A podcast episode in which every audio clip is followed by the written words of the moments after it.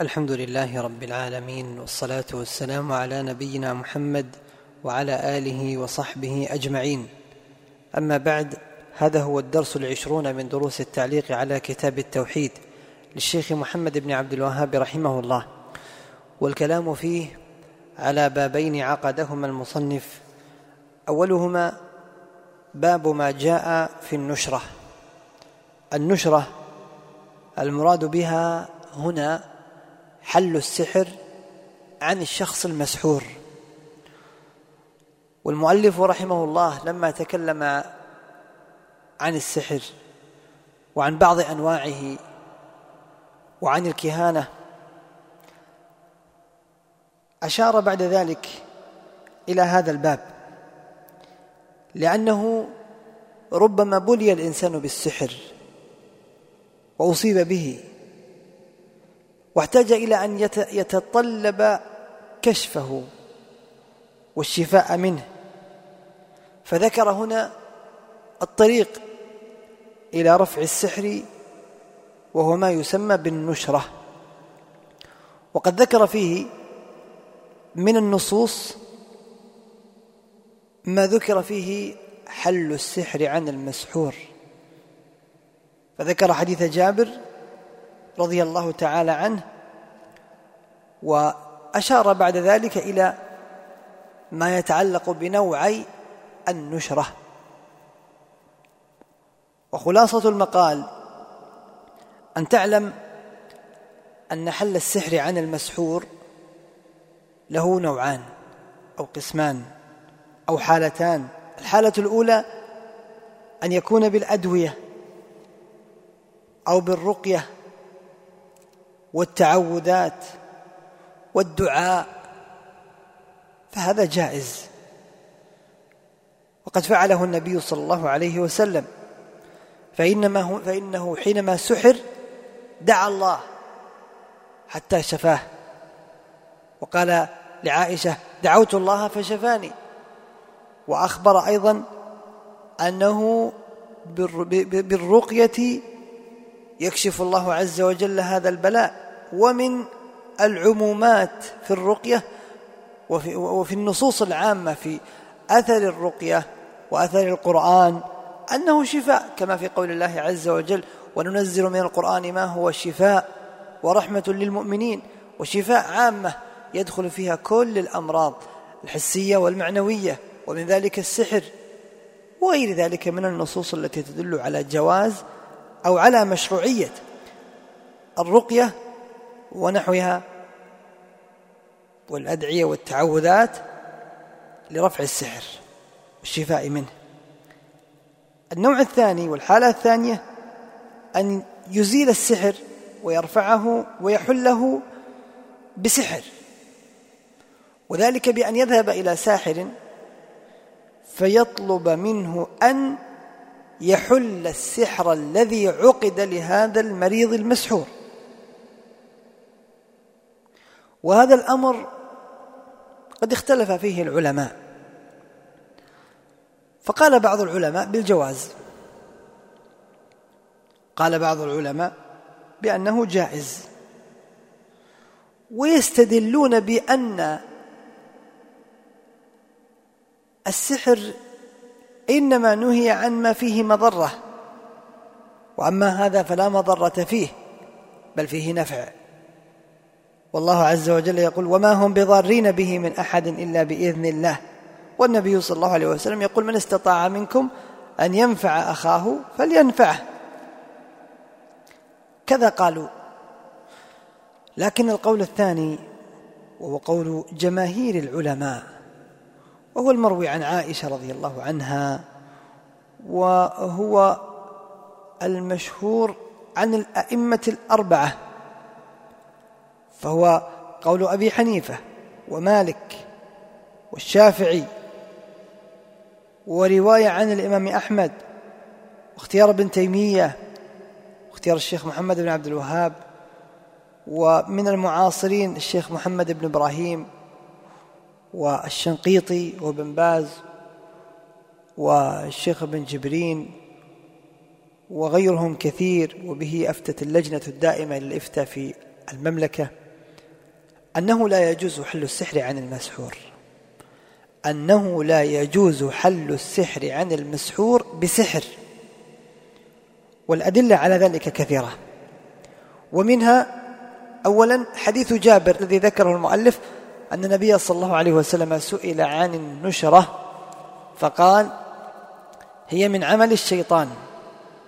من عمل الشيطان لأن لأن الساحر يتقرب إلى الشياطين بالأشياء التي يريدونها ويحبونها فهي من عمل الشيطان. والأمر الثاني من الأدلة على ذلك ما ورد في الصحيح أن النبي صلى الله عليه وسلم قال إن الله لم يجعل شفاء أمتي فيما حرم عليها.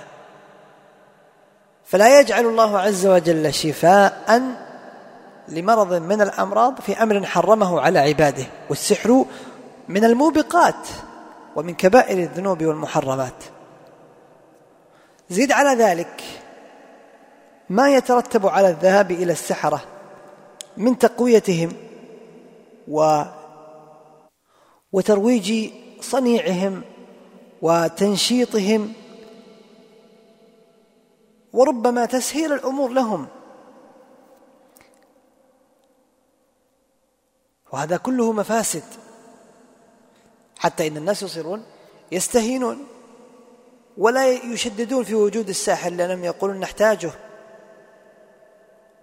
وأيضا لأنه لا بد أن تعلم أنه لا يمكن أن يقع السحر إلا بشرك. والله عز وجل لا يغفر أن يشرك به ولا يجوز لأحد أن يرضى بوقوع الشرك بالله سبحانه وتعالى. فكيف ترضى؟ أن آه، تزيل داء بدنيا وتبتلى بداء ديني وتحيي نفسا مريضة أو مصابة ولكنك آه، تمرض القلب والدين. نسأل الله السلامة والعافية.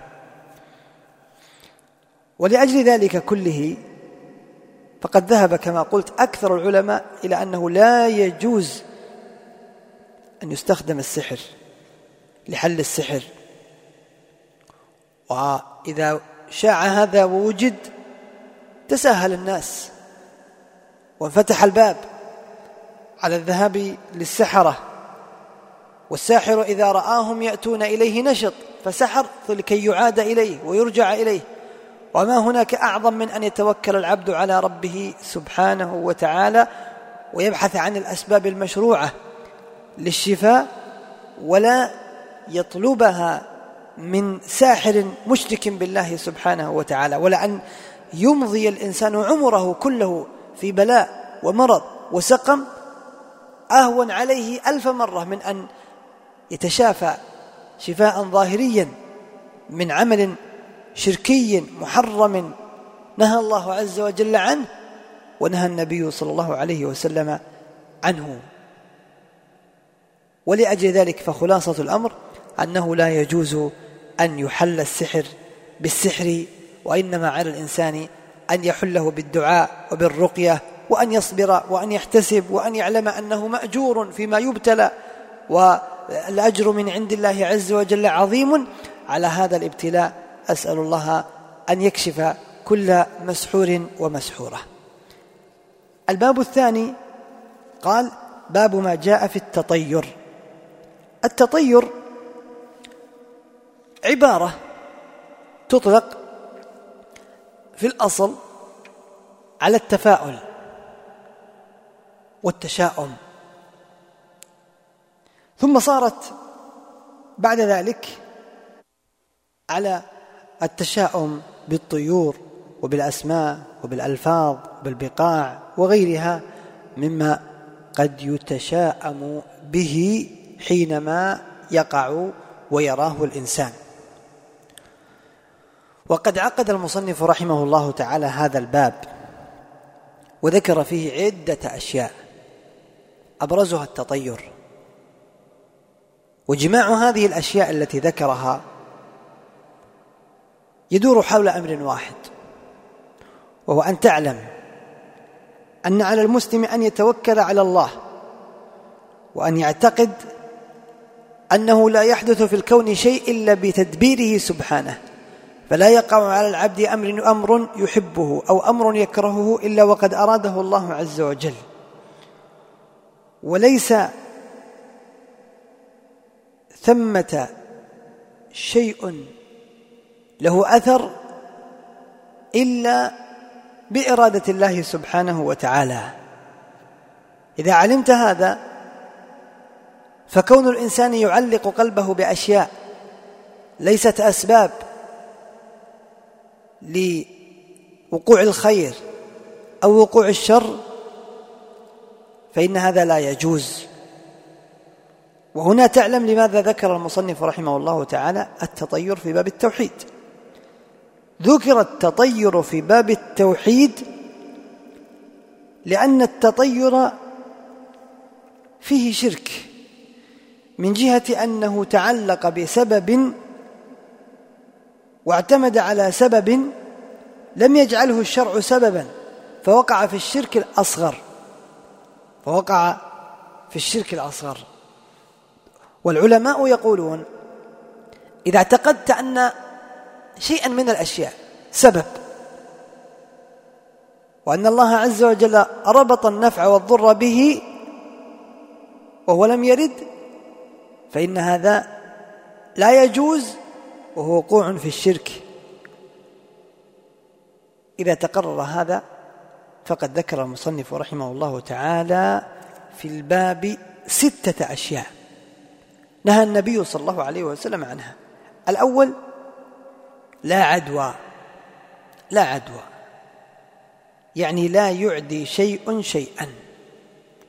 والمراد أنه لا يوجد شيء من الأشياء ولا مرض من الأمراض ولا سقيم من بدن سقيم يعدي بذاته. فالمرض لا ينتقل بذاته وإنما بقدرة الله عز وجل. ولذلك لما قال الصحابة للنبي صلى الله عليه وسلم يا رسول الله إنا نرى الإبل الصحاح فيخالطها البعير الأجرب فتصاب بالجرب. فقال النبي صلى الله عليه وسلم فمن أعدى الأول فمن أعدى الأول؟ أقول هذا لأن من الناس من يتبادر إلى ذهنه ونحن نقول هذا الكلام قول النبي صلى الله عليه وسلم فرا من المجذوم فرارك من الأسد. ولا تعارض بين هذا وهذا وإنما نقول لا عدوى أي أن المرض لا ينتقل بذاته. لا تظن أن المرض بذاته سينتقل. لا. الله عز وجل جعل مخالطة الصحيح للسقيم سبب والسبب قد يتخلف. والسبب قد يتخلف. الأمر الثاني قال ولا طيرة. فنهى النبي صلى الله عليه وسلم عن التطير. والتطير كما ذكرنا سابقا أن يتشاءم بلون أو شخص أو لفظ أو بقعة أو طير أو سماء أو, أو, أو, اسم أو غير ذلك وله صور كثيرة. والناس كانوا في السابق إذا أراد أن يسافر أطلق وقف عند شجرة كما سبق ذكره. فإن طار الطير يمينا تيامن ونشط وإن طار شمالا تشاءم ولم يقدم. ومن صور التشاؤم أيضا أن من الناس من من يتشاءم بشخص بهيئة يفتح دكانه فيكون أول زبون شخص أعور. فيغلق الدكان ويقول اليوم يوم نحس. لا نريد بيع ولا شراء هذا اليوم. أو يتشاءم برقم. ولذلك هناك أناس يتشاءمون بأرقام. رقم 13 مثلا. هناك من الناس من يتشاءم به. بل بعض الطيارات تجد أن رقم 13 ملغى. دور 13 في الفندق ملغى. لماذا يتشاءم بهذا الرقم؟ من أين؟ إيش أثر هذا الرقم؟ وإيش أثر هذا هذا اللون؟ وإيش أثر هذا الطير؟ أو هذا المكان؟ فهذه أشياء ليس لها أثر. فعلق القلب بالله سبحانه وتعالى ولا تتطير بشيء. الثالث قال عليه الصلاة والسلام ولا هامة. هامة وردت بالتشديد ووردت بالتخفيف. هامة وهامة. وقد قيل في معناها معان. ومن أقوى ما قيل أن العرب كانوا يعتقدون أن أن الميت إذا مات أو أن القتيل إذا قتل فإن عظامه تنتقل وتنقلب إلى طير الهامة. طير اسمه طير يسمونه الهامة ويصيح حينها عند بيت أهله لكي يأخذوا بثأره. فنفى النبي صلى الله عليه وسلم هذا وهذا من ضلال أهل الجاهلية. ومنهم من قال أن الهامة ألبومة حينما يتشاءمون بها فإذا رأوها تشاءموا وظنوا أن مصيبة ستحدث. وكل هذا ليس له أصل فألبومة طير من الطيور مثله مثل غيره من الطيور ليس له علاقة بمصيبة ولا بخير. الرابع قال ولا صفر. والصفر أيضا قيل فيه أقوال. وأقرب الأقوال أن المراد أنهم ليس لأنه لا يتشاءم الإنسان بشهر صفر لأن من الناس من يتشاءم بشهر صفر ويعده شهرا مشؤوما ولذلك ربما لا تجد من يعقد فيه عقد نكاح ولا يعقد فيه عقد صفقة إلى غير ذلك لأنه يتشاءم يتشاءم بهذا الشهر وهذه عادة أهل الجاهلية فنهاهم النبي صلى الله عليه وسلم ونفى ذلك وبين أن صفر ليس له أثر. وأنه شهر مثل غيره من الشهور. الخامس قال ولا نوء. النوء النجم. والنجوم هي أوقات. لا تعدو كونها أوقات لأقدار الله سبحانه وتعالى. لا علاقة لها بمطر أو بمصيبة. إنما يجعلها الله عز وجل أسباب. يجعل الله عز وجل أوقاتا معينة أنها أسباب وأنها أوقات لنزول قدر الله سبحانه وتعالى. حينها لابد أن تعلم أولا أن كون المطر ينزل في وقت كذا أو نوع كذا أو نجم كذا أن أنه لا بد أن يستقر في الذهن أن هذا النجم ليس له أثر وليس له علاقة في, في إنزال المطر وإنما المنزل هو الله. ولذلك ثبت في الصحيح أن النبي صلى الله عليه وسلم قال لما أصبح هل تدرون ماذا قال ربكم؟ قالوا ماذا قال؟ قال أصبح من عبادي مؤمن بي وكافر. وسيأتي ذلك في باب الاستسقاء بالأنواع. لأنهم ظنوا وقالوا أننا مطرنا بنوع كذا يعني بسبب نجم كذا. والأمر الثاني فيما يتعلق بالنوع أن تعلم أن ثمة أمورا إذا كانت إذا كان المطر وبعض الأمور الأجواء ونحوها قد تنزل في أوقات معينة فاعلم أن ثمة أمورا من قضاء, من قضاء الله وقدره لا علاقة له أبدا بالنجوم والأنواء ومنازل الشمس والقمر كبقية الأقدار. لا علاقة لها بالأنواء وإنما الله عز وجل بحكمته يجعل القدر ويجعل الأمر يقع في هذا هذا الوقت أو غيره. الأمر السادس مما نهى عنه قال ولا غول. والغول جمع غولة والعوام يسمونها الهولة. من جهة أنها يعني آه، تهول الإنسان إذا رآها وتفزعه. وذلك لأنهم كانوا إذا سافروا تتغول لبعضهم الغيلان وتتراءى الشياطين للمسافر في صور يعني مخيفة. فالنبي صلى الله عليه وسلم قال لا غول يعني لا يخاف الإنسان. واعلم أن هذه الأشياء المفزعة وأن هؤلاء الشياطين لا يمكن أن يضلوك وأن يعني يخيفوك إلا إذا أراد الله سبحانه وتعالى. إلا إذا أراد الله. فتعلق بالله وتوكل على الله وكن ذاكرا له ليحفظك. وهم كانوا يفعلون ذلك حتى يتيه المسافر. يتيه المسافر. فيزينون له طريق ويأتون بنار من هذه الجهة وهذا حتى لا يدري المسافر أين وجهته. فيحار ويتيه ولربما مات من أثر ذلك. فقال النبي صلى الله عليه وسلم لا أقول تعلق بالله وأيقن به واعلم أن الله عز وجل سيحفظك. إذا علمت ذلك كله فقد بقي أمر وهو أن النبي صلى الله عليه وسلم كان يحب الفأل وكان يتفاءل بأسماء وببعض الأماكن. فقد قال لما جاء سهيل بن عمرو سهل لكم أمركم. وكان يقول ويعجبني الفأل. فهل ثمة فرق بين الطيرة والتفاؤل؟ الجواب بينهما فرق. بين الطيرة والتفاؤل فرق.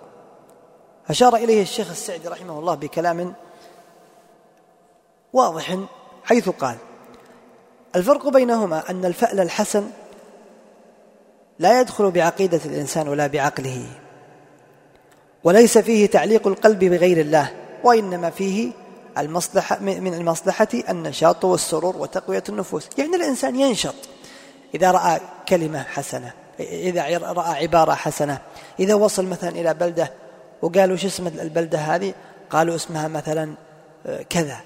قال والله ما شاء الله هذا اسم يشجع. إن شاء الله نتفاءل خير.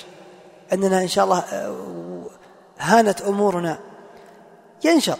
لكن لو فرضنا أنها كانت عكس لو كانت لو فرضنا أن اسمها بضد ذلك هل ترده؟ لا. إنما هو ينشط إذا رأى أو سمع ما يسر من الأقوال والعبارات ونحو ذلك. يقول وصفة ذلك أن يعزم العبد على سفر أو زواج أو عقدة من العقود أو على حالة من الأحوال المهمة ثم يرى في تلك الحال ما يسره أو يسمع كلاما يسره. مثل يا راشد أو سالم أو غانم فيتفاءل ويزداد طمعه في تيسير ذلك الأمر الذي على الذي عزم عليه. فهذا كله خير. وآثاره خير وليس فيه من المحذور شيء. هذا فرق بينه وبين الطيرة. هو مجرد نشط حينما سمع هذه العبارات. مر وإذا بإنسان يقول يا راشد ينادي واحد ينادي آخر. فقال إن شاء الله أننا اليوم إن شاء الله أننا عند الرشد في وجهنا أو السلامة في وجهنا. وهكذا.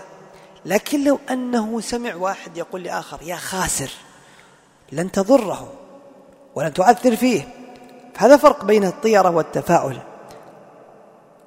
الطيرة إذا عزم على فعل شيء من الأمور فإنه إذا سمع شيئا أو رأى شيئا يكرهه فهو لن يخلو من حالتين إما أن يؤثر فيه ذلك فيترك الشيء الذي عزم عليه ويرجع مثل الشخص الذي أراد أن يسافر فرأى بومة فرجع أو رأى أعور فأغلق دكانه أو أنه لا يستجيب لكنه يضعف قلبه.